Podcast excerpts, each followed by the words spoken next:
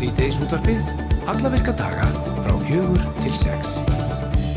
Og það eru Rafnildur Haldarsdóttir og Valur Grettisson sem að sjá um Sýteis útvarp dagsins. Jújú, jú, góðan daginn og svo verið sem íbúar í miðborginni þurfi núna að greiða stöðumannagjald fyrir engarstaði sitt eins og fjölskylda önnu ringstæð fekk að reyna á dögunum, samkvæmt sérsagt umfjöldur morgunblansins.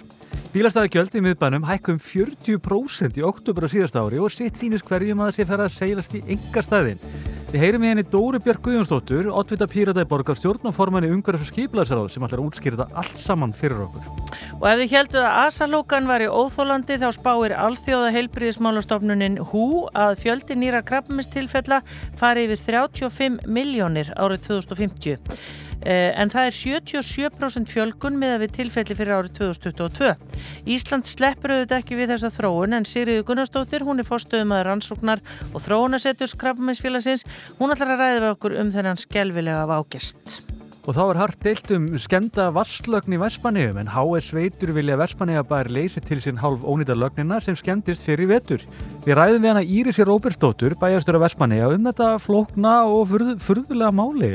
Einmitt. Og svo er það minningarsjóðu Svavars Péturs sem að stopnaði var með það að leiðaljósi að halda minningu einstags listamanns á lofti en eh, Svavar Pétur lést í september árið 2022 og það er búið að opna fyrir umsóknir að þessum sjóði og Berglind Hersler hún ætlar að koma til okkar og segja okkur allt um það hvaða reglur gilda um umsækjendur og hverjir koma til greina.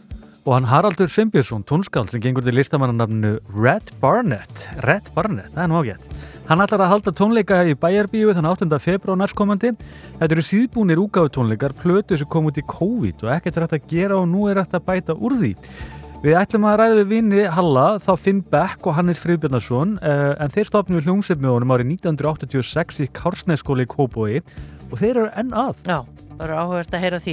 menn, þetta, þetta, menn hætti aldrei, það er bara þannig. Ummitt, bílskús hérna hljómsveitin sem litlir pollar í Vesturbænum 1986.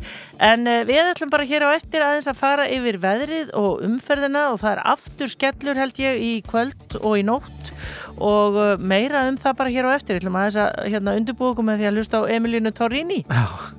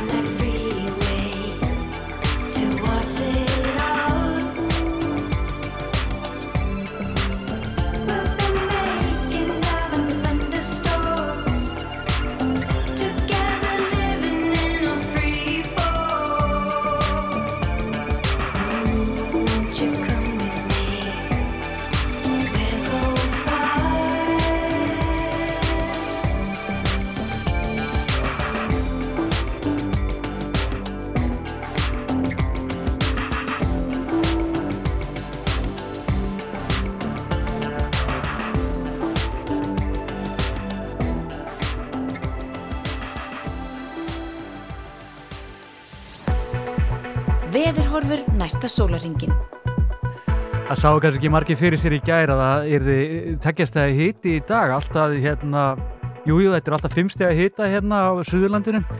Það voru náttúrulega þvílíkir hvítir stormar og hvað hva, hva meira. Já. en vindurinn er nokkuð hægur í dag vestfyrirnir eru nú ágættir það er nú kannski kvast þarna næri Patrísfyrði 12, 12 metrar á sekundu en sól, það er nú eitthvað Uh, og það er nú eins við með Östurlandi það er, nú, það er bara fjögurastæði hitti alveg niður í einstíkt frost, þetta er nú ekki mikið þetta er nú allt í lægi en á morgun þá breytir þetta nú aftur. Já. við fáum bara, við fáum einn dag í frí frá stormunum og morgun verður það verður allavega hérna í borginni 15 metrar á sekundu og snjókoma og þetta verður 20 metrar á sekundu í Vestmanni getum við spurt hann í Íri svo eftir hvernig það ætla að búa sig undir þessa vittlisu uh, á vest fjörðum þá verður þetta nú líka alveg hundleðilegt það verður 80 metrar á sekundu í Patrísfyrði og, og hérna og 22 metrar á Vesturlandi þetta er nú, alveg, þetta er nú bara eiginlega verið svolítið gott eða ekki? Jú, og hvenar er þetta dagsins? Stendur...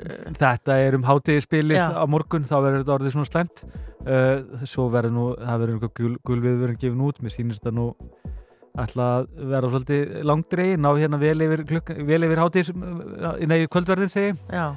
Og svo reyndar, það kannski annað eftir þetta verð það er síðan eftir eh, helgi maður tveggjast að hiti núna, hafið það í huga en eftir helgi verður sko alltaf sko 14 til 15 stega frost. Já, víðast á landinu, bara í bænum þá verður 10 stega frost. Af miðhálendinu, það er alltaf skýrkallt þar svo sem en þar verður 15 stega frostið. Og svo verður 10 stega frost á, á Östurlandi þannig að það er hitatölurna er alveg snar minka á næstu dögum já Þannig að öll þessi rigning verður hana fljúandi hálkaður við vitum af. Einmitt og ef að skablanir hafa ekki, sko, þeim hefur ekki ringt í burtu, þá frjósa þeir og er það svona, þannig að við verum komin á sko, því líka mannbrota.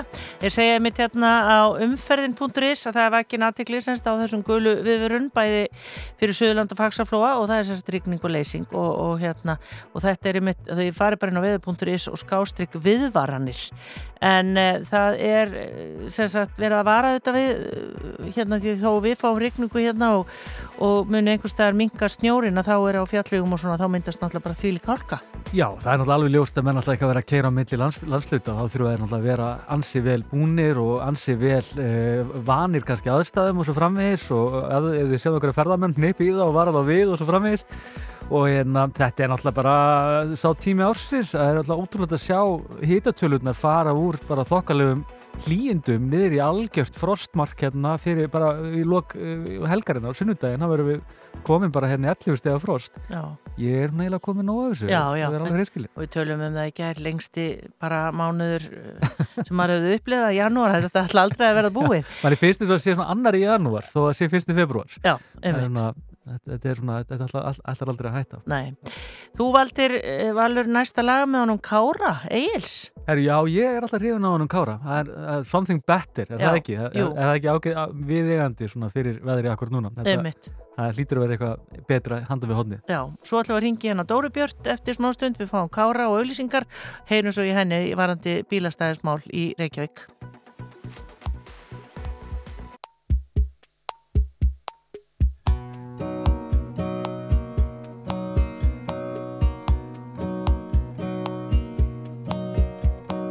Shoot me with a rubber bullet. Cut me with a jacket knife. All you have to do is tell me if you wanna let it die. You look into my eyes and say you're okay. That's just your way to say you want something better. If we never break the cycle, how can we be truly free? Gently swaying with the current, driftwood on the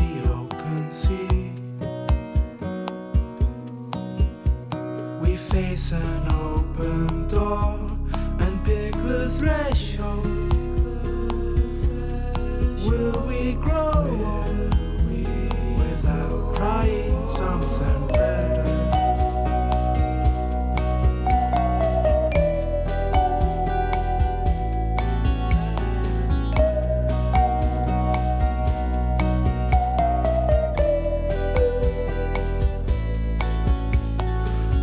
so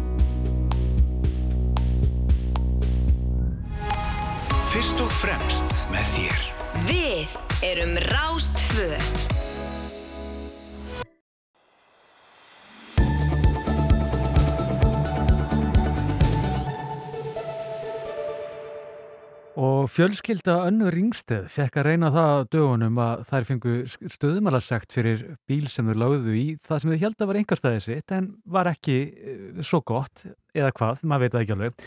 Bílastæðagjöld í miðbænum hækkuðu núna um 40% í oktober uh, á síðast árið þetta og sitt sínist hverjum að það sé verið að fara að seilast í engarstæðin.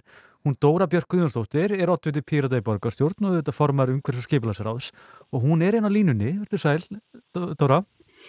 Já, sætla blessaður. Við kannski byrjum bara á því að spyrja sko, í, hvernig er það eiginlega? Ég menna það er auðvitað búið að hækka dálitið þessi gjöld uh, margir íbúður 101 sem eru með símbra stæði, engar stæði er ekki hluti af þessu almenningsrými en, en samt eru er þau er að fá sektir núna Er þetta mm. tilfallandi eða er þetta eitthvað sem er, við mögum sjá oftar í miðborginni?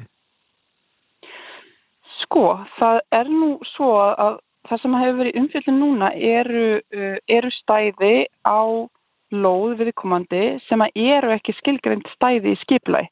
Þannig að þetta eru óleifustæði sem umræðir. Þetta er fólk sem hefur, ekki... já, ekki, þetta er fólk sem hefur svo drömmurlega gert stæðin á þess að spyrja kongnum prest. Eða... Já, já, nákvæmlega og, og, hérna, og þannig að það er alveg, eh, alveg eðlilegt að sekta fyrir það því að það snýstum bara um það að við bara eh, leifum ekki fólki að leggja hvað sem er, þetta snýstum til dæmis það að þegar fólk er að leggja upp á gangstjættum þá er sagt að fyrir það. Ef þú ert að leggja í stæði fyrir falla fólk þá er sagt að fyrir það. Og upp á hjólastígum og, og það eru þetta bara hluti af því að standa vörðum borgarlandi og tryggja umferðar öryggi vegna þess að, að við viljum náttúrulega hérna, hafa gungustígan okkar fyrir gangatir fólk og hér ræðir eh, um oft stæðir sem eru inni á, á, lóðum sem þýðir það að fólk er að anga yfir gangstjættar Uh, og, og byggja hérna, þessar uh, þekktanir stundum á kvörtunum og bara frekar oft.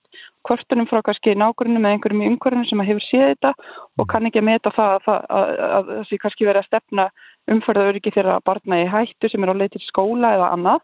En hins vegar er það fannig að, hérna, að það eru sumstaðar stæði og fólk veit ekki alveg af því að þetta séu ekki skipulögð stæði. Það hefur kannski flutt inn í sínar íbúður og sín hús uh, og, og, og haldið þetta síu stæði en svo kemur ljós þetta síu að eru ekki stæði í skipulagi og, hvernig, og, hérna, hvernig, og það hefur orðið ákveðin. En hvernig til að mynda með það, ég minna, er engin hefð sem skapast fyrir því, veist, þú ert búin að vera með stæði þarna, ég segi mig ára tugi, ég minna, og er ekki að breyta því þá þannig að þetta séu þá stæði, er það ekki hendur að kannski að íbúar séu með stæði ef þið vilja taka í, e, það undir veist, þetta er náttúrulega þeirra lóði sjálfur sér ég menna þau eru svo sem eiga húsinn eða hvað, e, veist, er þetta ekki Já, er þetta ekki svolítið mann finnst að vera alltaf hart hreinlega hérna, að sekta fyrir þetta.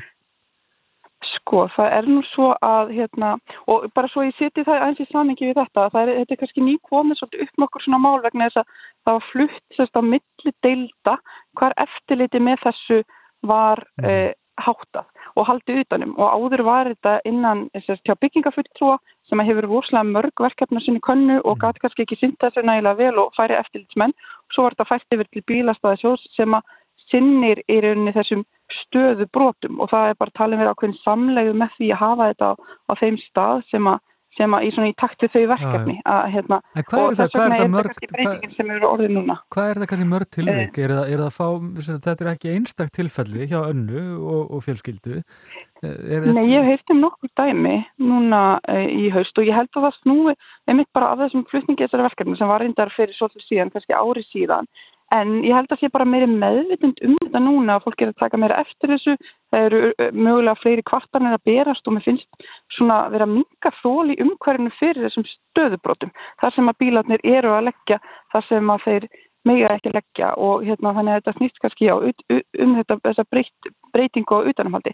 Hins vegar má alveg segja það að þegar svona ákveðin svona breyting á verklæði verður, eða ekki breyting á verklæði, þetta hefur verið gert áður, bara kannski aðeins minna af því að, hérna, að það sé ágætt að setja út svona smá aðvarnir og það var nú reyndar gert þegar þau byrjuði að gera þetta meiri mæli að, að fólk var að, hérna, e, fekk upplýsingar um það og konum miðum sem að voru til dæmis settar undir rúðuna, rúðfyrkuna að hérna hér má ekki leggja og í kjölfar munum við sekta ef að, að byðurinn mun halda áfram að vera hér.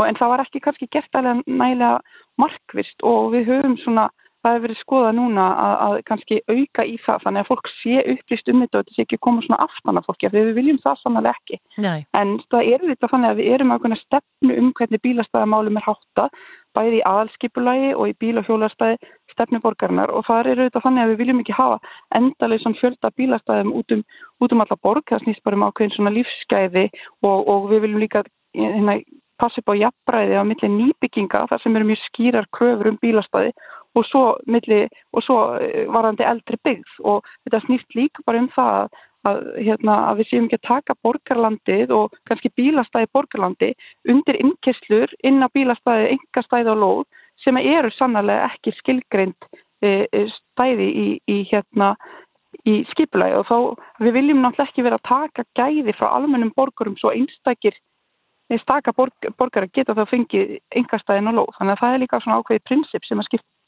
sem að skipti máli. Já, það var færsla frá henni Önnuþóru Björstóttur sem að reykur hérna glerugnaverslun á hverfusgötu sem að segja að þetta sé orðið svo dýrt fyrir hana og starfsfólki í búðinni að bara veri í verslunarekstri í miðbænum að leggja bílnum í bílastæðishúsi. Það er náttúrulega vantilega hækkaði jafn mikið í bílastæðihúsunum eins og bara vennilu bílastæði. Er ekki tekið tillit e, nógu mikið til íbúa og þeirra sem að reyka verslun eða annars líkt eða fyrirtæki í miðbænum? Sko hækkunin sem að varð e, svona, sem hluta þessari gjaldskildu breytingu sem að var þar sem við vorum aðeins að stækka svæðið lengja gjaldtíma og við hækkuðum e, gjaldið á svæði eitt. Það er bara algjörlega næst laugaveginn, það er alveg í miðbænum og þannig að það er bara takmarka svæði sem að hækkaði í þeirri færslu þannig að það verður að fylgja söguna. Það var ekki allt gjald að hækka. E, ég held að bílastæða húsin hafa ekki verið að hækka í taktu þetta. Það eru bara svolítið annar, aðra reglur sem er gilda þar.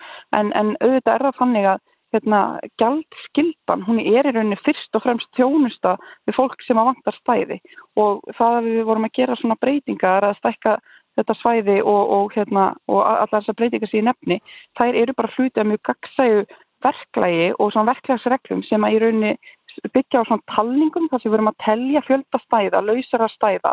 Og ef það eru bara aldrei laus stæði af því að fólk sér bara haksin í því að geima bílana sína á einhverju svæði kannski allan daginn eða hvað, hvernig sem það er þá er vantar stæði fyrir fólki sem að vill sækja sér verslun, þjónustu eða býr kannski bara á svæðinu til þess að geta komið bílunum sínum að. Þannig að gjaldskildan er fyrst og fremst þjónusta við fólk sem að vantar stæði og byggir bara á slíkum tanningum og við sjáum að það, þar sem við hefum hækkað núna verðið þarna alveg á gjaldsvæði eitt, þá hefur það skapað aðeins meira svigurum þannig að það hefur losnað eitthvað um stæðin.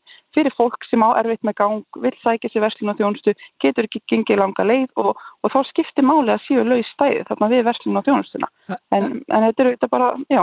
En aftur, að, aftur kannski örstu þetta að þessum ólulegu stæðum eða þessum stæðum sem kannski íbúa vissi ekki eins og náður óluleg Þetta, þetta virkar svolítið hart að þetta er fólk sem er búið að vera með kannski það sem ég held við enga stæði á sinni lóð í fjölmörg ár og ég minna, er, er borgin að reyna að leita einhverja leiða til þess að, að kannski laga þetta þannig að allir getur sáttir eða er, er reglan svo að þau getur bara ekki nota þessi stæði og verða bara alltaf sektu fyrir að vera, hvað, bara, þetta sé bara stöðubrót hreinlega, að þau leggja í þessi stæði í framtíðinni?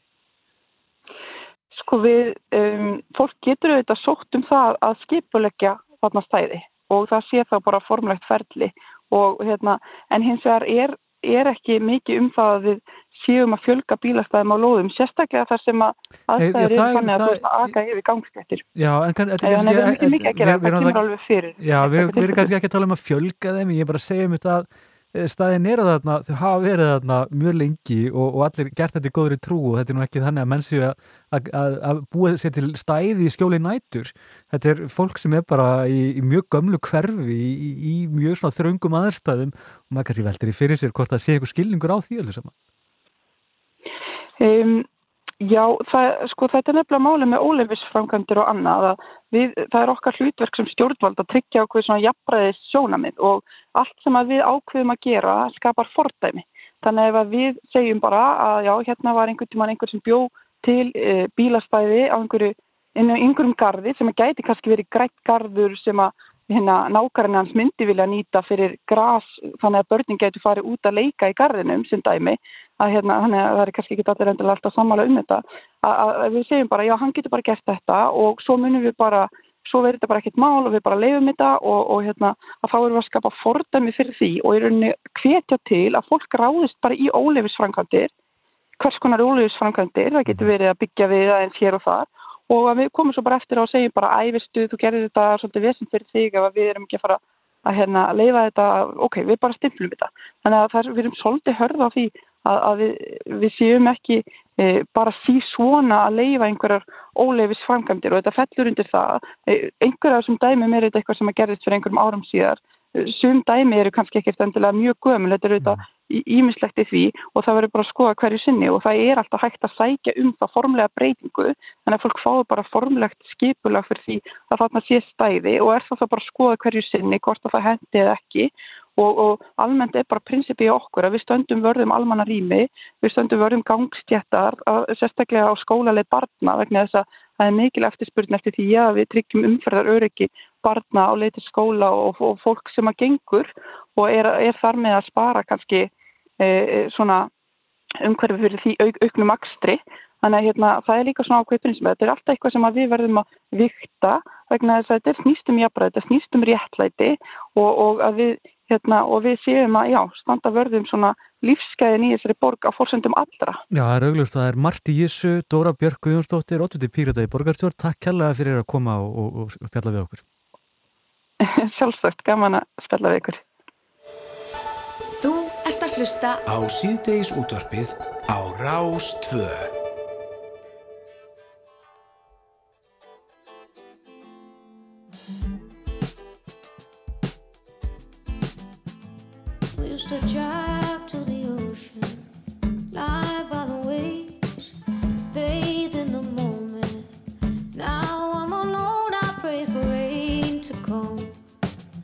We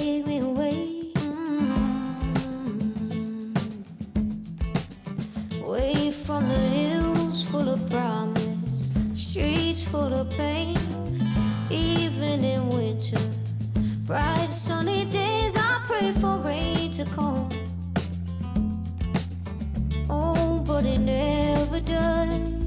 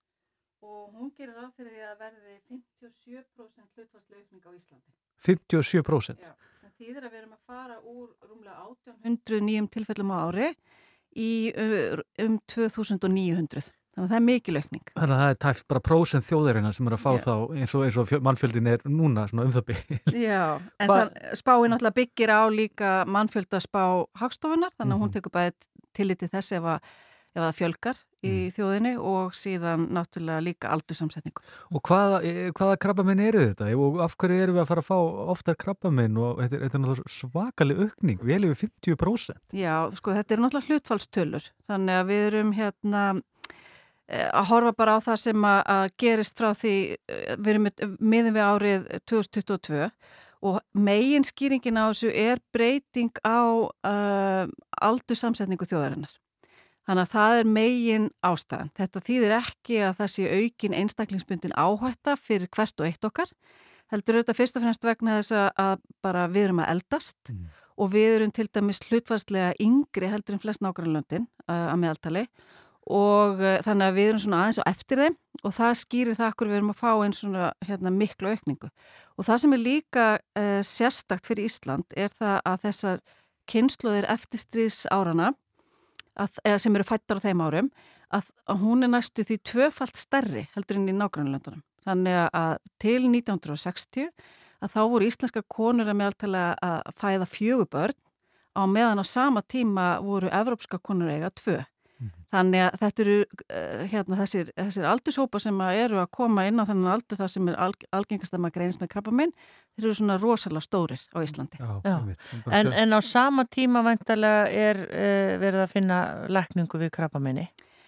Já, bæði lækningu og eh, kannski ekki síður meðferð sem að gera fólki kleift að lifa lengi, jafnvel með hérna, langtgengin sjúkdóm og það er önnur tala sem við erum að horfa á. Þannig að við erum með í dag uh, á lífi á Íslandi uh, um uh, 17.500 manns sem að hafa eitthvað tíma greinst með krabbamenn. Sumir eru læknaðir og aðri lifa með krabbamenn eins og króniskan sjúkdóm og við gerum ráð fyrir að árið 2040 verði þetta kom, þessi fjöldi komin yfir 30.000 og þetta kallar líka á ákveðna þjónustu að því að bæði náttúrulega algjörlega þeir sem að þurfa kannski á ævilangri meðferð að halda, þeir þurfa að vera að fá uh, krabbmeins meðferð og þjónustu því tengda. En síðan er það líka þannig að jafnvel þó að fólk læknist að krabba minni þá getur það verið með alls konar svona langvinnar aukaverkanir eða síðkomnar sem að kalla líka á þjónustu. Þannig að þetta hefur heilmikil áhrif á okkar helbyrðiskerfi. Hvaða krabbaminn eru það sem er, við erum að fara að fá? Er, hver eru algengustu krabbaminn? Sko algengustu krabbamennin eru brjóstakrabbamenn hjá konum og blöðri áskiptiskrabbamenn hjá köllum. Síðan eru hérna og það er spáð að það sé svona kannski ekkert mjög mikil breyting fyrir séð í því. E, þau krabbamenn sem hafa verið aðeins á, niðurleið og sem betur fyrir eru til dæmis lungnakrabbamenn og það er spáð að, þeim er eftir að fækka núna næstu árin en á móti kemur er að, ristil og endaþamskrabbamenn að það mun væntalega aukast. Mm. Og það er bara tengt mataræði og hvernig, veist, getur við lifað einhvern veginn heilbreyðara lífi? Man, manni finnst einhvern veginn alltaf eins og heilbreyðastu maðurinn í herbygginu sé að fá krabbaminn? Já, það er náttúrulega ekkert sem að getur varið mann fullkomlega fyrir því að fá krabba minn. Það er náttúrulega bara svo margt sem að spilar þar inn í og, og hérna það eru erðir og umhverfi og, og allir þessi þættir og svo stundum er maður bara óheppin eða maður hefur sloppið við það að fá okkur aðra sjúkdóma sem að kannski uh, verða manna aldur til að. Já. Þannig að, að það er maður sem spilar inn í þetta og, og það er mjög mikilvægt að það komi fram eins og ég sagði á þann að við, það er ekki að aukast áhættan okkar sem einstaklinga. En það er mjög maður sem við getum gert til þess að draga úr líkonum á því að fá krabbameina því að það er sagt að það sé kannski 40% krabbameinu sem að sé hægt að vinna með, séu svona lífstilstengt og það eru náttúrulega hlutir eins og reykingar og við höfum náttúrulega nátt gríðanlegum árangri í uh, því að draga úr uh, reykingatengtum krabbameinum vegna þess að við höfum nátt góðum árangri í tópasvörnum. Og það er þá veintalega lúnakrabbamenni. Það er lúnakrabbamein kannski fyrst og fremst það sem eru mjög skýr tengst þar á milli en þetta vissulega reykingar hafa áhrif á, á er áhættu þætti fyrir fleiri krabbamein.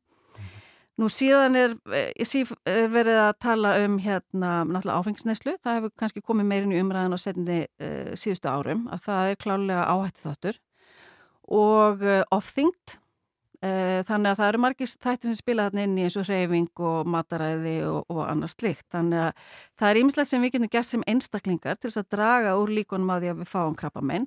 En það er líka ímislegt sem að stjórnvöld geta gert til þess að- beita stjórnvals aðgerðum til þess að stuðla svona heilbriði þjóðarinnar. Já, hvernig, hvað myndir þú sjá fyrir Já, ég myndi til dæmis klárlega ekki mæla með því að auka aðgengi áfengi. það er alveg eiginlega gefir.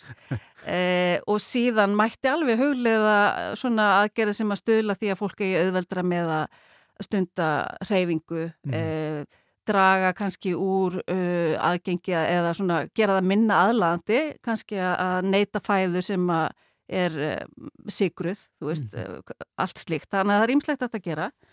Og síðan uh, þannig að við getum ímislegt tekið ábyrðað ymsu sjálf en, en við þurfum líka að horfa á þetta svona samfélagslega og horfa á það hvað við þurfum að gera sem samfélag og síðan er kannski annar þáttu sem að skiptir miklu máli líka og það er að ef að maður greinist, ef að maður fær krabbamein að þá skiptir sköpum upp á horfur og, og hérna uh, bæði lifun og, og svona útkomur aðrar að það er að greina meinin snemma. Já, og, og við höfum skimanir þannig að við erum með e, í bóði skimun fyrir brjóstakrafmenni og, og leghálskrafmenni og það hefur því miður ekki verið nægilega góð þáttaka í þessum skimunum. Þannig að, að það e, er mjög mikilvægt að auka það.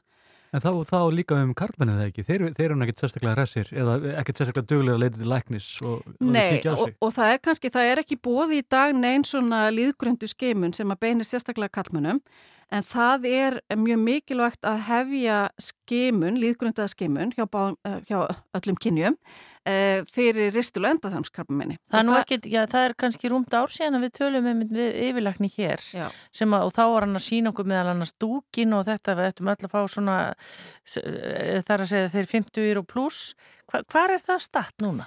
Það hefur tafist það verkefni sem er mjög miður af því að við erum tölvert og eftir eh, nágrannlöndum okkar í þessu og þetta, þetta geti til dæmis verið svona eh, stjórnvalsaðgerð sem að myndi bara skipta gríðarlega miklu máli. Og hefur Sérst- það tafist bara út af peningaleysi eða? Ég, þetta eru bara svona, þetta er ekkit alveg einfalt að útfæra þetta svona ímis praktísk mál sem að þessu tengjast, það þarf að, að hérna, hugað ímsu í því og uh, það hefur bara tekið lengri tíma heldur en til stóð. Já. En það er náttúrulega vissulega margir sem e- einstaklingar sem að, hafa tekið þetta alvarlega og leita sér hérna, uh, gert þetta bara eigin vegum.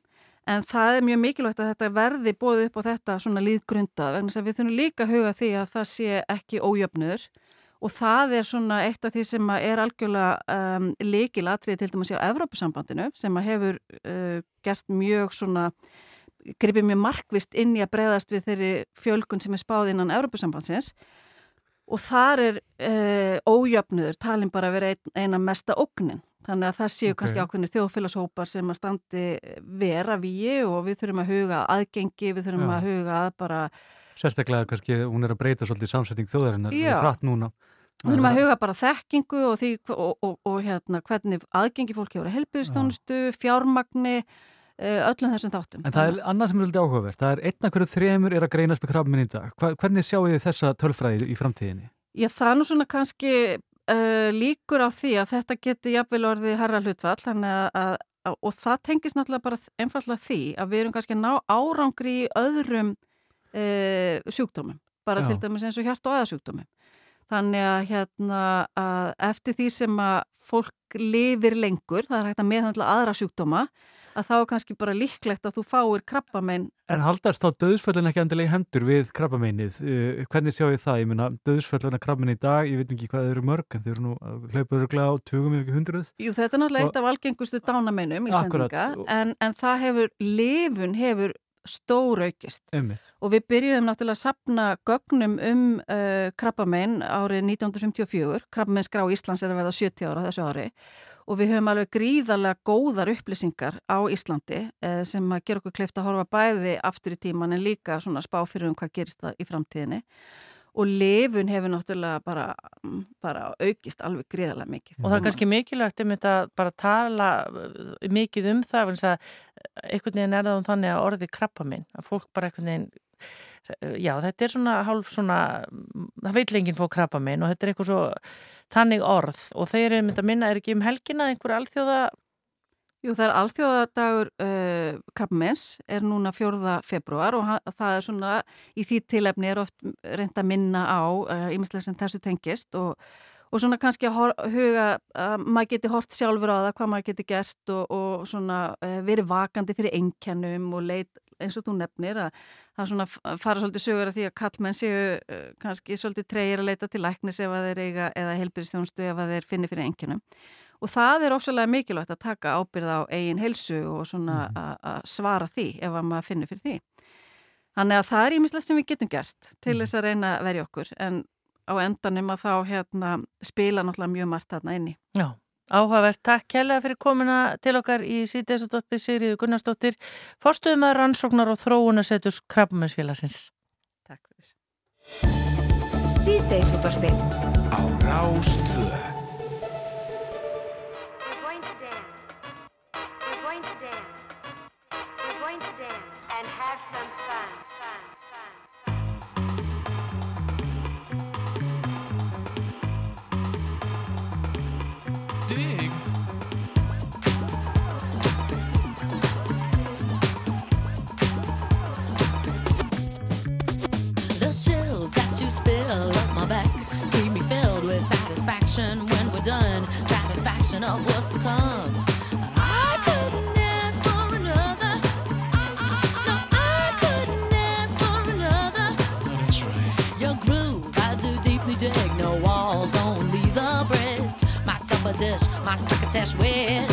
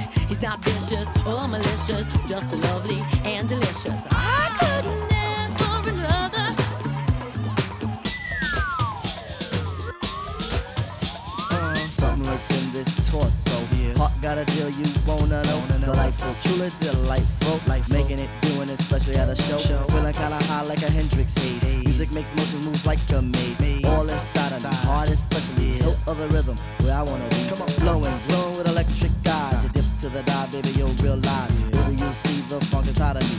Baby, you'll see that rhythm is the key. Get, get witty, witty, can't think, quitty, quitty. Stomp on the stoop when I hear funk blue, blue playing pipe. Follow her to shoot, baby, just sing about the groove. Sing it. Groove is in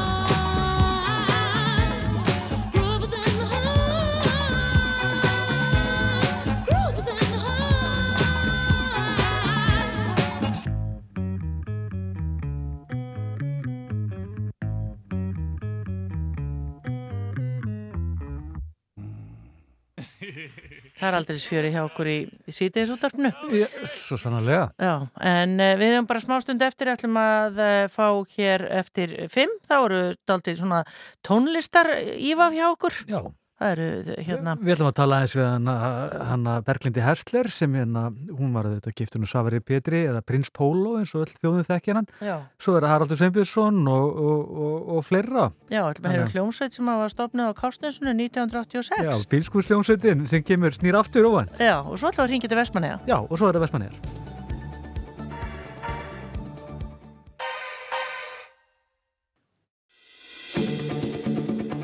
Þú ert að hlusta á síðdeis útvarpið Á Rástvö Minningarsjóður Svavars Péturs var stopnað með það að leiðaljósi að halda minningu einstaks listamanns á lofti en Svavar Pétur, sem hún oftast kallar Prins Pólo, lest í september árið 2022. Nú er búið að opna fyrir umsóknir og aðsjónunum og Berglind Hersler segir okkur allt um þetta, hvað er reglur gildum umsækjendur og hverju komið til greina. Berglind, velkomin. Takk fyrir. Það er gott að fá þig. Já, gaman að koma, alltaf gaman að koma. Segðu okkur aðeins um hvað snýst þessi minningarsjóður og hvað sækir maður um og hvað maður að gera ef maður fær styrk. Já. Já, þetta er sko, já, þetta er náttúrulega kannski ek- ekki ný uppfinning þegar einhver svona eh, sem hefur haft áhrif á samfélagi fellur frá og þá er þetta gerðan gert að, að stofna minningarsjóð. Og, uh, en við ákvæðum svona að hafa kröfunar svolítið svona í hans anda og þar sem að þegar við vorum svona að byrja að vinna saman við Svavar 2004 eða eitthvað að það svona smám saman myndaðist veggur heima sem hétt Wall of Decline þar se settum við upp allar hérna, umsóknir sem okkur hafnaðum og, og þetta fylgdi náttúrulega alltaf bara, þú veist, við varum alltaf með eitthvað, eitthvað verkefni í gangi og alltaf eitthvað bras. En hérna og það sem að fór alltaf svolítið í töðunarunum er, er eitthvað svona, ég er hérna með geggjað hugmynd og ég er bara svona gæi sem klára verkefnin og, þú veist, og við erum bara þannig teimi, við bara gerum þetta en þú veist, er, við fjallum á formkröfu, hvað kæft er þetta? einmitt. Er ekki hægt að skoða, þú veist, er ekki hægt að rýna eitthvað betur í þetta? Og hérna, já, þannig að þú veist, þá ætlum við að þó svo, sko, ég er í stjórn matvalasjóðs, þannig að ég er svona ég skilit alveg líka núna ekki, Mhm. kannski gera ekki þá að auðvitað er þetta mikilvægt að, að þetta sé allt svona stíft sérstaklega, hérna, þetta eru ríkispeningar og, og þú veist, þetta eru verði verkefni og allt það. En eh, það sem að við vildum gera með þessu var að vera einmitt svolítið svona, hafa aðeins meira pönk í þessu og einmitt, þú veist, að reyna að, að sjá, þú veist, bara hvernig er teimið, er það líklegt til þess að- að klára þetta og gera eitthvað skemmtilegt uh, fyrir aðra til að njóta og já, þannig að þetta er svolítið svona bara, og þú veist, og svona líka að listamaður eða frumkvöld vinni svolítið í hans anda sem að var eh, svolítið þannig að það var ekkert ómögulegt. Og ef hann kunnið ekki eh, þá bara var setja á YouTube eh, öll kvöld þar til að það var búið að læra þetta. Já, veist, þannig að maður bara eitthvað neginn, já, já, ok, ég ætla að fara í lífrannar ræktun já, við gerum þetta bara, við græ- græmum þetta bara, við lesum okkur bara til. Eins og þeirra, eins og þeirra bulsurnar Já, bara svona. græmiðspulsur Rifjaðu það þessu, hvernig Já, það, þá náttúrulega hérna vildi allan hann að vera græmiðsæta uh, og hérna en langaði svona svakalega mikið pulsu. Og þá var ekkert í bara, bara alltaf eitthvað SS pulsu grín allstæðar og hann bara, herr, þetta náttúrulega gengur ekki Hanna, og það var náttúrulega ekki, þú veist, náttúrulega til útlenskar e, græmiðspulsur en ekki neginn íslensk. Þannig að þú veist, og þá var bara eitthvað hendi þetta og í svona eitt og hálft ár vorum við með þetta bara í eldurinu heima að sjóða endalist mikið að byggi. Þannig að þú veist, sængu verið anga að byggi þetta var alveg agalegt. Þetta, veist, og allar rúður alltaf eitthvað móðu og, og svo pantaðum bara eitthvað bækur á Amazon og bara, þú veist bjóti bulsur Ég verður aðeins að spyrja meir út í það. Býtu, hvernig er þeim svo haldið saman? Hvað er utanum Það er plast og það var alltaf svona, svona hérna vandin að, að hérna, það, það, við fundum aldrei nætt Nei hérna, lífrænt vegan. Nei, Nei, einmitt. þannig að kannski komið núna Já, En, en segðu mér nú annað, kannski þegar kemur á sjóðunum, hvað svona, hvers konar uh, uh, svona listaverk er að hugsa um eða verkefni eða þú veist, hvað, hvað svona kemur til greina um, svona svo fólk fá einhverja hugmynd kannski, hvað, hvað er lægi? Já, einmitt. Já, þetta er svolítið, menn þú sér bara hérna, þú skoðar bara hans afreika skrá, þá er þetta, ég menn hann grafis, eh, var grafiskur hönnur og tónlistamæður og bóndi og hérna, og gerði bulsur og þetta, þetta, þetta er bara, það er engin það er engin landamæri, veist, þetta er bara eitthvað, við gerum bara eitthvað geggja verkefni sem að hefur þá kannski eitthvað listrænt útlit og þú veist, þetta er eitthvað svona heildarpakki sem við sjáum fyrir okkur. Mm. en auðvitað við í rauninni heldur ekki að búa til hugmyndina heldur bara einhvern veginn að reyna að lesa úr og reyna og það sem við kannski tengjum mest við veist, þannig að þetta er allt mjög loðið sem er líka bara En, pe en, óþólandi en peningarnar spennandi. urðu til er það ekki á svona styrta tónleikum eða þetta byrjaði yfir þannig? Já, í fyrsta verkan sem ég gerði var samstarf með 66 gráða norður og þá var sérst, hann búinn í, í hérna, samstarfi við 66 að búinn að hanna flýspessu og, og honum endist ekki æfinn til þess að klára það hann að það var ákveðið að klára það og láta ákveðan renni í sjóðin og það var svona fyrsta verkefni sem við gerum og þær seldust upp á fjórum dögum og það var bara alveg, bara gekk mjög vel. Og svo reyðust við í uh, hátíð hýrðarinnar sem að voru var sett eitthvað skona Íslandsmynd í tónleikahaldi þegar við settum 15 hljómsýttir á svið á, á tveim, fjórum klukktum þegar þetta var algjört Já. og allir gáðu vinnu sína og þetta var algjörlega, já ég vildi geta alltaf bara farið inn í þetta og endurlifa þessi tvö kvöld. Þetta var svo ótrúlega magna Já.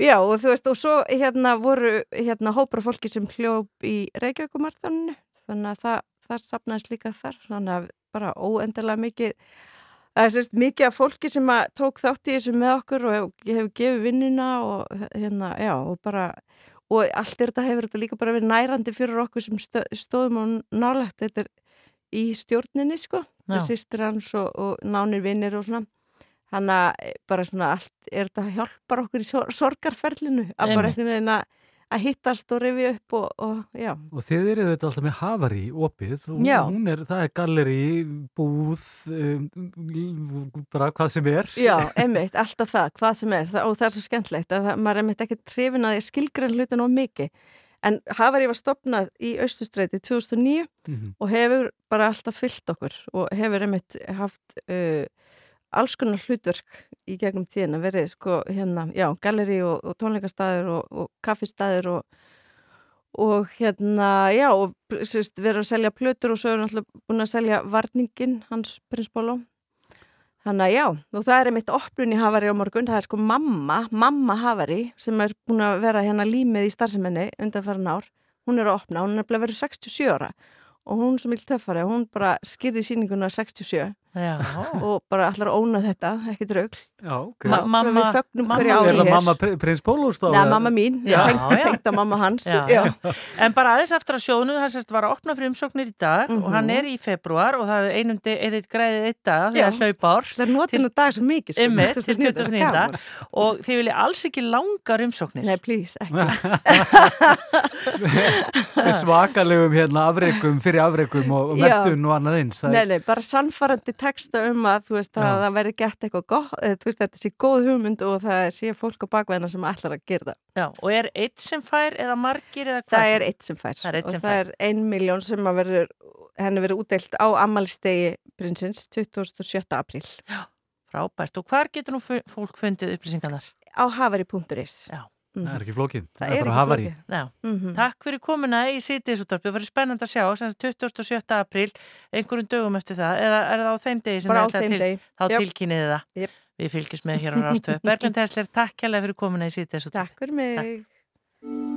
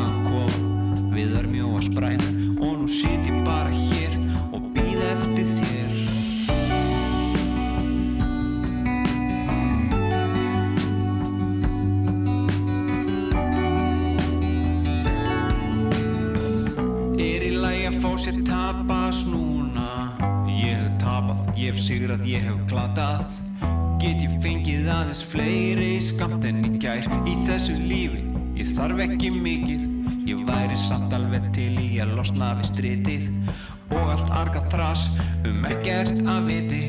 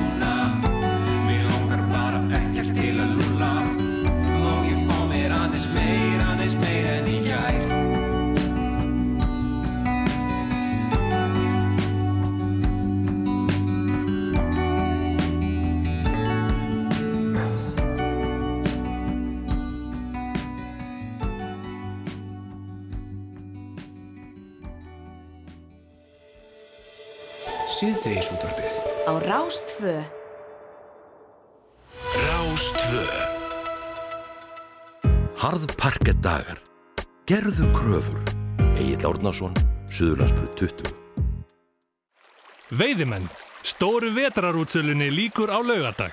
Veiðihornið síðmúla. Hér eru útsölu lók og enn meiri verðlækkun á útsöluvörum. Hér er smáralind. Hola amigos, tangodansar, spænski smáréttir, golf á Spáni og spænsk fastegnakynning hjá Spánarheimili og Sumarús á Spáni. Kontu til Spánar á laugadaginn á milli 11 og 16 í fyrðinum Vestlunarmiðstöð. Lokadagar útsölunar, götu markað stemning, Nike, Adidas og öll helstu íþróttamörkin, Sport 24, Miðhunni, Smáratorki og Reykjanesbæ. Nýtt báhásblad er komið út. Þú getur nálgast það á rafrænu formi á báhás.is og fengið nýjar hugmyndir. Báhás, eitt mesta úrval landsins. Blessar, heyrðu, þetta er klárt, tveir ásmiðar, eps, tveir ásmiðar hjá öllum klúbbónum í enska, þannig að þið bara veljið hvaða leikið þið viljið sjá hverju sinni. Auðvitað eru veitingar í hálfleik. Föstudagspotturinn stefnir í 6,3 miljardar. Eurojackpot breytir lífinu tvisvar í viku. Súper útsölunni líkur um helgina. Húsasmiðjan, alveg súper fyrir þig.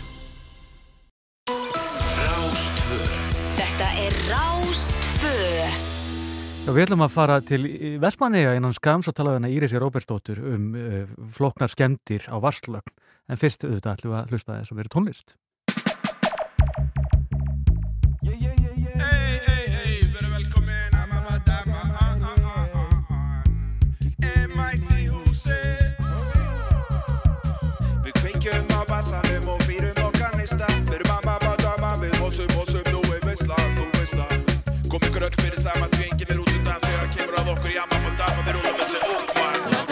Gossa, rista bossa, ég vil sjá tungu gossa Kveik í kroppum, ásta blossa, allir saman hossa, hossa. Hossa, hossa. Láta allt gossa, rista bossa, ég vil sjá tungu gossa Kveik í kroppum, ásta blossa, allir saman hossa, hossa.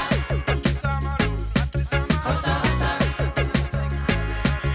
Dansgólfi sjóðandi heitt og fólki laðrandi sveitt. Við dansum óáreitt og hugsum ekki um neitt nema hvort annað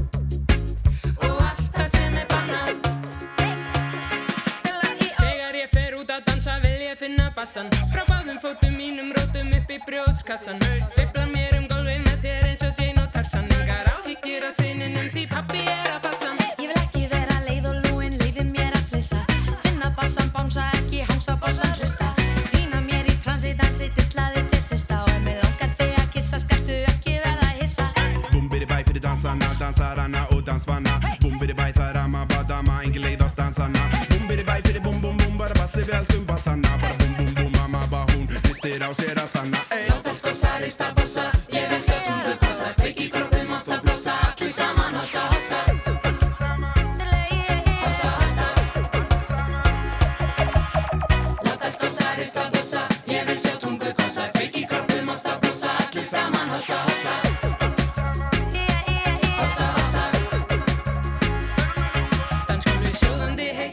fólki löðrandi sveitt. Við dansum óáreitt og hugsum ekki um neitt nema hvort annað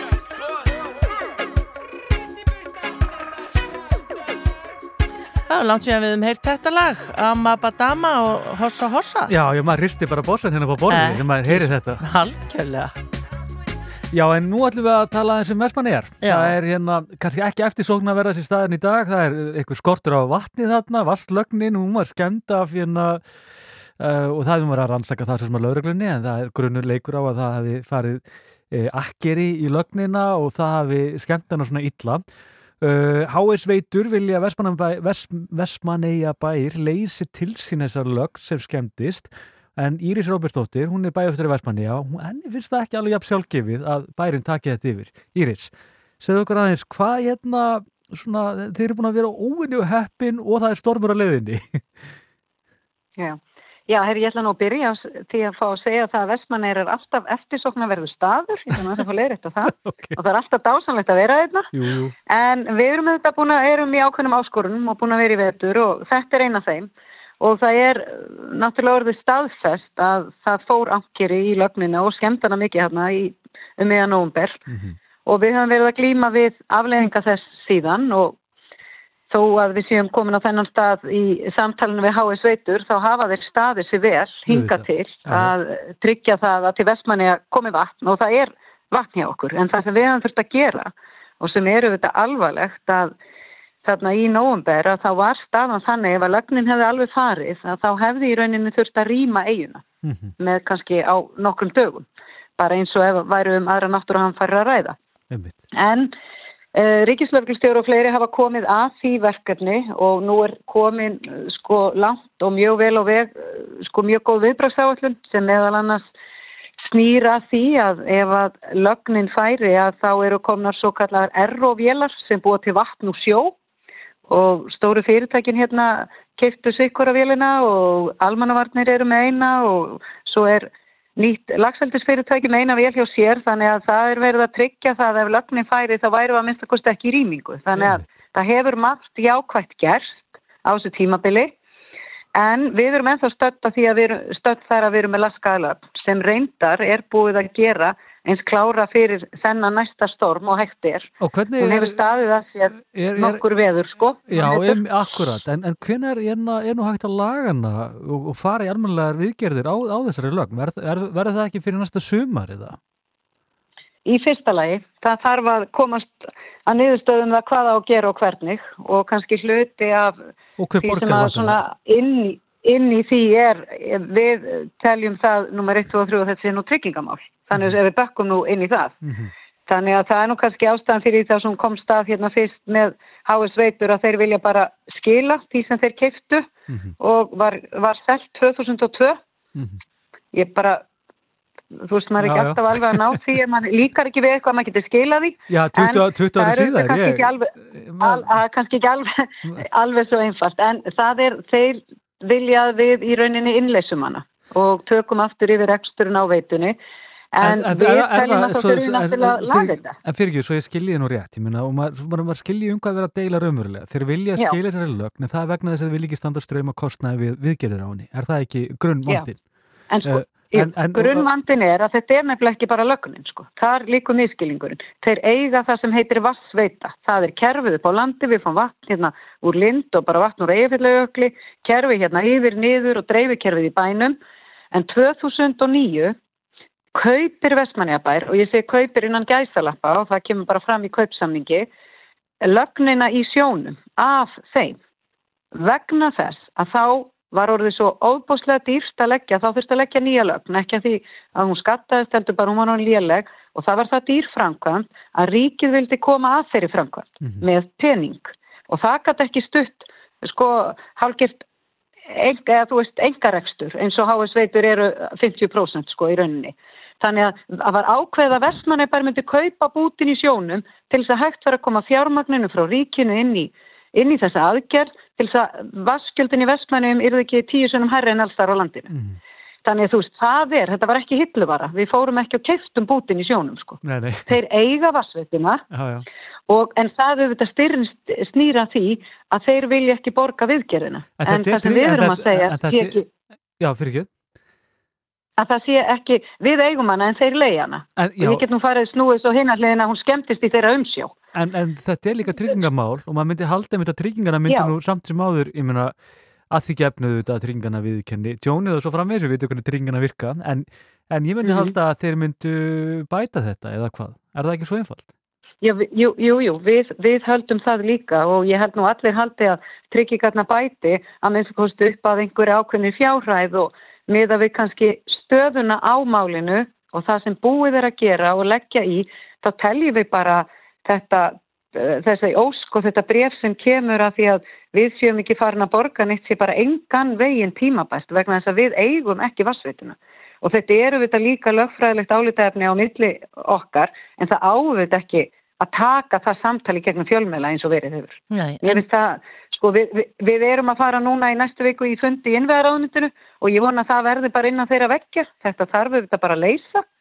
En við eigum ekki vassvitina, svo það sé bara sagt. Ég ætlaði einmitt að fara að spyrja sko hvar máli var í statt nákvæmlega núna, hvort það Mm. væri bara ekki talast við, en það er sagt þessi fundur þá í næstu viku.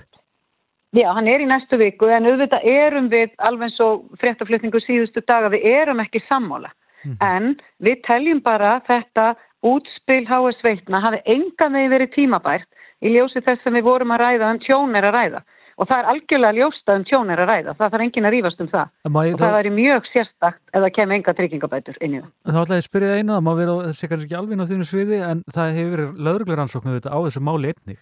Ég velti því fyrir mér, hefur eitthvað komið út úr slíkar rannsóknu eða eitthvað sem þú getur tjáð því um? e e ekki sem að bara við höfum upplýsingar um. Við bara náttúrulega erum ekkit aðilega þeirri Nei, rannsókn en akkurat. ég má kannski bæta því viðvarandi tjónið. Það eru þetta fyrirtæki hér sem á þetta skip þeir, hér í Vestmannum og framkvæmtastjóra þess fyrirtæki sem hefur marg sagt í fjölmjölum að þeir muni bæta tjónið.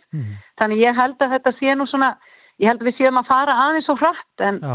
auðvitað náttúrulega er þetta dýrt og stórt en ég held að það sé nummer 1, 2 og 3 að þeir sem eiga vassvettin að vera að sinna þeirri skildu að skaffa vestmanningum vatna meðan þeir eiga hana. Og Og þeir eiga hana ennþá, þó þau séu að reyna skilinni. Og ekki batnar það, svo er það að fá storm hann á morgun, hvernig heldur hún lifið það af, vasslagnin eða? Já, ég talaði nú við, hérna, ég talaði nú við sérfrængin okkar sem er einn af, einn af þeim sem hefur kafað mikið nýra leyslunni fyrir H.S. Veitur að hérna skoðana og hann er bjart sítt, hann segist vera búin að stramma hana vel af og við hérna vonum það besta og við reynum að láta þetta ekki trubla okkur en þetta eru á hættustíði. Já, og Út svo, af því hvernig lögnin er. einmitt, og talandum stormir í sko síðast ég heyri fréttir frá okkur, sko þá þurft að fresta fundi um samgöngumál vegna veðus.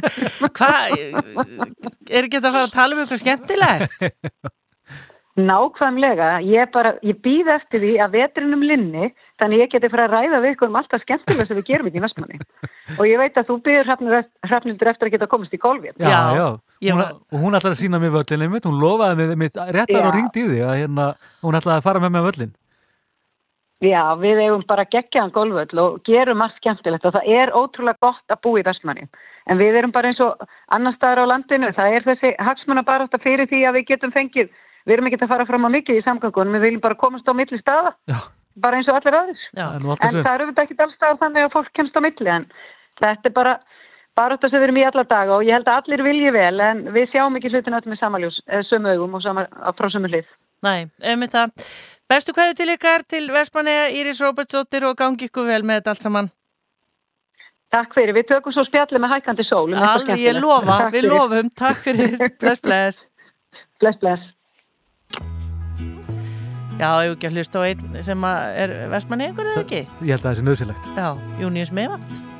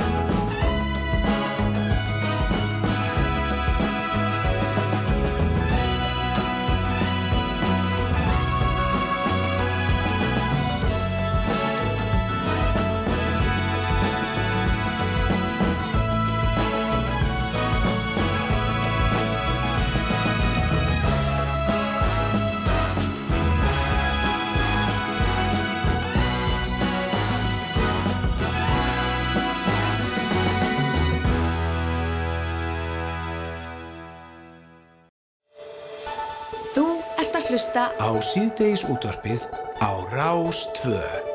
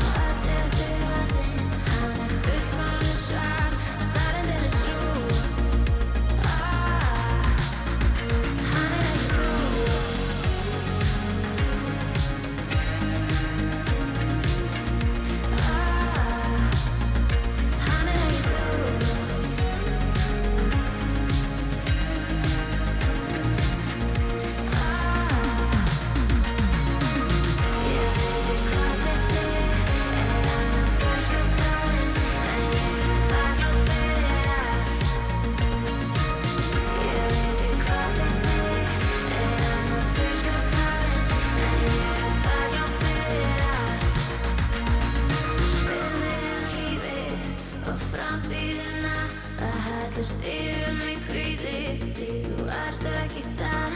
Hann á öll réttu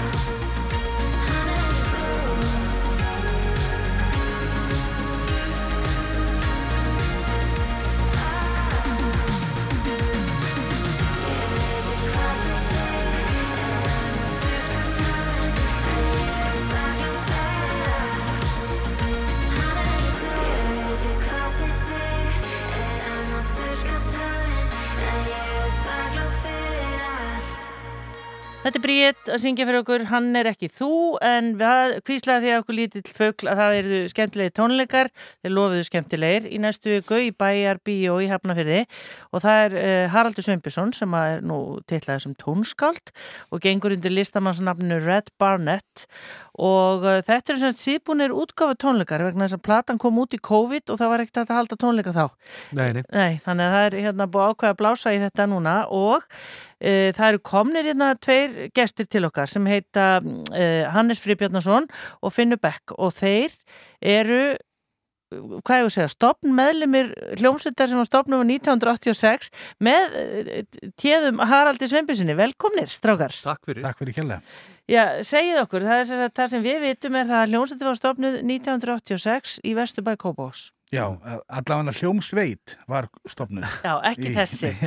Já, sko, það má alveg, það má alveg segja að það hafi þróast kannski út í það en inna, við sem sagt erum allir hérna æskuvinnur úr Kópáinum af Kásnesinu Kásnesskóla og einhver, einhver draumur hefur, hefur verið okkur 10-11 ára að, hérna, að stofna hljómsveit og sem við gerðum sem er bara eins, eins, eins krútlegt og þannig er fyrir 11 ára drengi en við spilum nú samt á balli í, í, í skólanum okkar í, það í 11 ára bekk Já, svona nokkur gig svona Já, byrjuðum árum. þar, já. Já.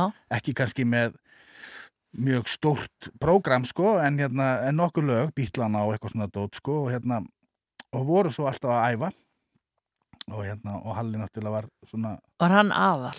Hann var alltaf svona prímus mótun, hann, hann var náttúrulega var klárastur, sko. Já. Hann að, sko, þegar ég kynntist honum hérna tíu ára gammal, þá var hann búin að semja held ég átta lög sem hann átti og svona lítinn skemmtara, öll mjög fjölbrytt í mann, sunnir ennþá og síðan þá hafa bara gengið undan, undan honum lög, sko, það Já. er bara þjóðþrjóða mála að koma þessu á, á spila þetta inn og koma þessu út, sko. Og má finna eitthvað að þessu á nýju plötunni? Ekki er kannski, ekki svo gott. ekki kannski þessu ennþá. stuffi, sko. Nei. Það er svona- ná- náði ekki alveg, en, en síðan náttúrulega eldast menn og, og, og það allt og fara í sínar áttir og í nám og, annað. Og Halli fyrir náttúrulega í, í ná sem tónskáld og fyrir að ræða tónsmíðar í Svíþjóð og þá svona kvildu við þetta band sko. Já, en hvað hérna, hvar, þú veist, nú var einhver sem umgæði sig yfir ykkur og leiði ykkur að æfa í ykkur herbyrgi, hvar voruð þið? Við vorum, fyrst vorum við nú bara í bílskutum hjá fjölskyldunni minni, Já. Æfðum- æfðum þar um tíma, svo vorum við, þegar það þurfti að nota bílskutum, þá vorum við komið með bandið inn á trésmiðavestæði, þar sem að fæði minn var með starfsemi og síðan alltaf var mjög mikið gróska og er örugglega enn hérna á Kárstinsson í tónlistarlífinni þar og skólanhúsið Kópóks var með æfingahúsnað, við fengum að æfa, æfa þar um tíma, það var tómstundahúsnað og við hefum hérna skólans líka. Já. Þannig að það var bara mjög vel búið að þessu unga fólki sem var þetta þá og mikið lifandi hefur maður oft þakka fyrir það hvað maður átti hérna sko mikið hugsunarfólk og aðtorku samt fólk sem að gaf sig að því að sko kenna tónlist. Við vorum líka mikið í kór hjá Þórunni Bjórstóttur. Þannig að það snýrist allt um tónlist og, og svo gaman að það gerir það enn Já. og, og gefur manni eiginlega bara meira heldur en nokkur sinni fyrir. Þetta, þetta yfirgefur mann aldrei, þið eru ennþá að náttúrulega er bara að og, já. og, En spilar En spilar á Alltaf með bassan og bassin er ofta ekki langt undan sko. Ég viðlega þegar ég var í lögmennsku með bassa bara á skrifstofunni til þess að geta greipið í hann hérna þegar, að, þegar maður vildi aðeins svona brjóta daginn upp. Já, og Hannes, þú ert náttúrulega í nokkru hljósutum svona Ekki- með ekki- öðru. Ég hef verið, Já. en ég, það hefur minkað töluvert sko, að það er uh, líka bara því að maður er upptekinn í, sem, í sínu starfi og annað. Mm. En trommunar, ég menna, er þetta eins og að læra að hjóla? Getur maður alltaf, Já, ef þú kant einu svona trommur þá held ég að það fari ekki sko. Nei. En, hérna, en það fer kannski færnin. Já. Þú ert að halda henni við. En, en það fer aldrei þetta svona grunni elementi sko, fer aldrei úr þér og ég er, alltaf, ég, ég er alltaf að spila eitthvað en minna heldur en ég gerði í 20 ár sko, sem ég var bara hver einustu helgi og hver einustu viku. Já. En hverja voru svona hæ- hæstu hæðirna sem við náðuð svona á sínum tíma? Og hvað hét hljómsveitin? Og hvað hljómsveitin, það. já, Sko, ég, ég, ég var að heyra það, ég var, það var að, Halli var að rifjuð upp að hún var stopnuð sem bánsa tríuð. Já. Ég myndi það ekki, sko. Mjög töff. Ég myndi það ekki, en ég myndi eftir að hún hétt hét Tobias, sem var eftir einhverju Já. teiknimynd. Tobias Já. í turninu, með ekki. Jú, jú, það var eitthvað. En síðan urðum við, sko, þegar við urðum svona 16, sko, 15 og 16, var Tobias, var, var ekki, kannski, kannski ekki alveg neitt sérstaklega töff, sko. Og þá breyttum við nafnin í Timberman. Já. Og spiluðum í Galtalæk. Já, spilum í Galtalæk. Heldur gott nafn að hljómsveitin spilur á bindindismóti. Á bindindismóti. Og ég held að þar hafi í rauninni svona toppnum verið náð, sko, að vera að spila um vestunumanna helgi, Já. þú veist, svona 16 ára og með, með, með, með öskrandi skrílinn fyrir fram að sig, sko. Þá náttúrulega, þá, eftir það, þá náttúrulega fóru bara menn í mentaskóla og, og byrjuðu að gera alls konar aðra hluti, sko. Já. En síðan eins og segi, þegar Halli er hann út í námi, rétt upp úr 2000, og þá er hann að byrja svona að hann var búin að vera með mér í hljómsveit í nokkur ára undan eh, sem hétt Dead Sea Apple og en þá þegar hann er út í námi þá þarf hann náttúrulega að finna einhverja svona einhvert flöt fyrir, eh, það er náttúrulega frjór maður alltaf að semja þannig að hann hérna þurft að finna einhvert flöt fyrir þessa músík sem hann er að dæla út úr sér Mhm. og fær mig til að spila inn trommurnar á bara fyrsta lagið sem við tökum upp sem að hérna er það í kringum, við vorum að reyna að rifja upp á hann við munum þetta ekki 2005, alveg, já, kannski. 2005-06 kannski Já. og svo er, er maður alltaf einhvern veginn að detti í stúdíu með Halla og hann er að taka upp ykkur lög en maður veit eiginlega aldrei fyrir hvað það er í rauninni fyrir að hann allt í hennu kemur með þetta Red Barnett nafn og svona, já, nú ætla ég að fyrir að íhuga, þetta er komið á það stið að ég þarf að fara að íhuga ykkur plötu eða komið svo út, sko sem að síðan hann gerir og við þarna á 2015 þegar við erum færtýr Mm, það, var líka, það var svona gulrót. Það myndum ekki, það myndi, það myndi ekki líða. Við myndum ekki, myndum ekki býða fram með fært með þetta. Og gefum hana út og hún fær íslensku tónlistavælunin svo plata, þessi fyrri plata og þá var, þá var, þá var í rauninni sem sagt búið til í rauninni bandið að við þrýr byggum til, gáttum náttúrulega ekki spila þetta þrýr Nei. þannig við byggum til svona hóp sem er ennþá, eða sem þessi hópur er í dag og heldum útgáða tónleika og einhverja eina tónleika á Airwaves held ég og líka eitthvað. Já. Og svo líður og býður og svo hérna, hérna 2018 þá er Halli búin að fá styrk til að fara til Wales í stúdjó og tekur okkur með Já, já. Hann getur náttúrulega ekki annað en tekið ykkur með, kannski er ykkur aðri betri en við erum æsku Við vinir. náttúrulega höngum í honum sko. Það, nei, nei, og mér, það er kannski rétt að taka fram að við erum þetta ekki bara þrýra en þá í þessu, þetta var svolítið skemmtilegu bræðingur sem varði úr þessu, því það er alveg frábærir músikanta sem slóist í hópin, Daði Birgisson spilarinn á blötuna og Hammond og Áskir Áskilsson kemur með alla sinn, hérna fjölbreytta bakgrunn. Ditti Guðna, slagversleikari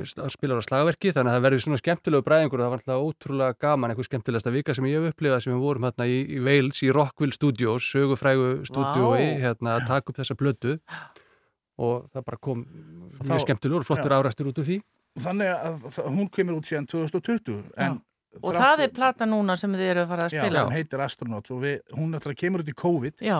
þannig að það var ekkert að halda, ekkert, ekkert að halda útgáfatónleika eða neitt annað Mm. út af Nei, því sko en síðan líka er náttúrulega er þetta band sem er svona um, þetta er kannski ekki alveg fully functional sko, þetta eru menn sem er að gera alls konar hluti og við allir og þetta er meira svona að þarna er, er, er ekki gróðrastar sem er, er verið að, hérna, rækta sinn innri mannlíka og gleði með því að, að spila músík sem, sem að maður snertir á sjálfur og allir koma að Já, einmitt. En og skemmtilegt. það er svona er sko á þessum ég veit ekki hvað þetta er mörg ár síðan þetta byrjaði en þá er þetta samt bara í fjórðaskipti sem að hópurinn kemur fram sko En það er eitt sem kemur einn óvar, sérstaklega fyrir okkur hafðringana. Hvað er að vilja kópóingar gera í í bæjabíu í Hafnarfyrðu? Halda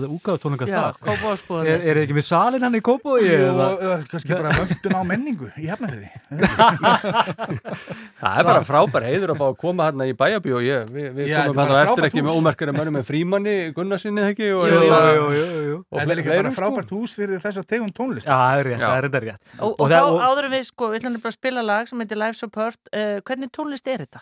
Bara, er eitthvað að segja það?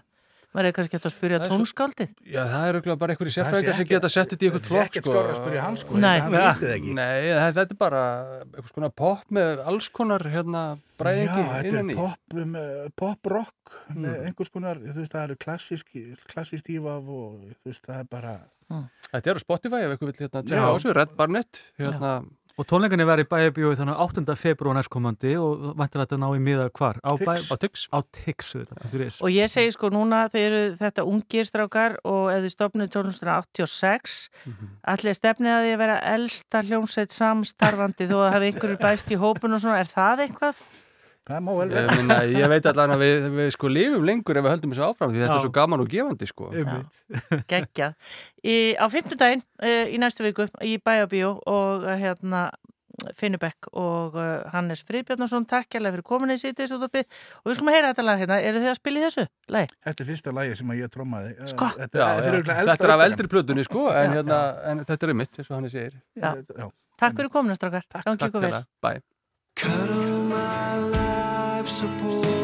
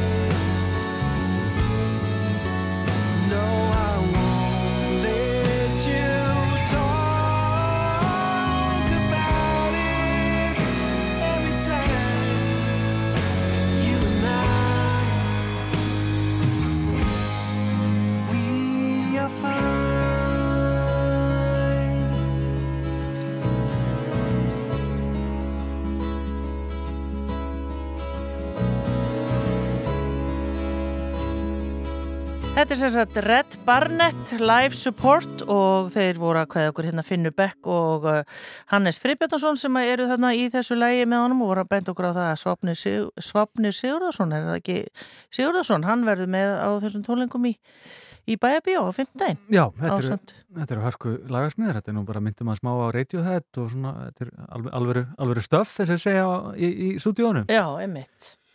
Annars, ég myndi þetta fréttaðu þetta, það er náttúrulega hætta vegna hraunflæðis, hún er meiri í nýju hættumatskorti, það er, nú segir að verði sér tvær vikur í gós.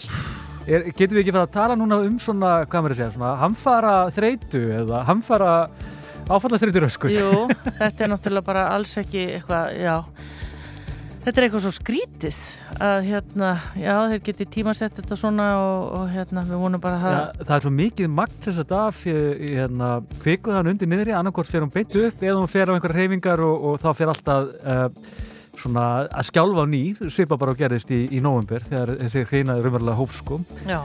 En við sjáum, sjáum til hvað úr, úr verður. Menn, menn tala um elgos það verður annarkort á eftir eða eftir 300 ár þannig að maður veit aldrei. Einmitt, það verður vantilega fjallað um þetta í fréttunum í dag en við erum búin að koma víða við og ringdu til Vestmanni að töluðum um krabbamein sem að, já fréttina kannski hún, hún peppaði okkur svolítið upp, hún Sigriður þetta var ekki alveg einn stökt, það er þjóðin eru þetta eldast, Já, samsetning þjóðarinnar Já, já, einmitt. og svo auðvitað vorum við einnig að tala um stöðumælagjöldin, þau eru búin að rjúka upp eins og allt annað í þessu samfélagi Já. og ekki nómið það heldur er, er verið að uh, rukka fólk fyrir engarstaðin sem eru kannski ekki alveg allt í að mikil engarstaðið og menn meðlega meina, stundum eru þau ólöguleg Já. en sjá hvernig svo dela fer, það er, mér fannst það svona, það er svolítið svona óbylgirni að finna í, í þessu öllu saman Já, en og- sjá hvernig það fer. Já, og svo var það Berglind Hersler og hún, það var sérst verið að opna þennan e, minningarsjóð og þetta sækjum og var það ekki bara havari.is, allar upplýsingar? Það var hafari.is og fólk er sérstaklega beðið um að gæta þess að vera að skrifa ekki of langar umsóknir. A4, það er alveg max.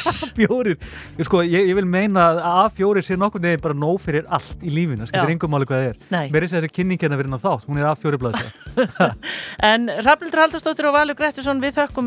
fyrir ná þátt, hún A4 blaðsja En Rafnildur Haldarsdóttir og Valur Grettisson við þökkum fyrir okkur í dag. Verðum aftur hér með ykkur á morgun. Þá er eitthvað, allt, uh, eitthvað alveg nýtt til umfjöllunar en takk í dag. Takk.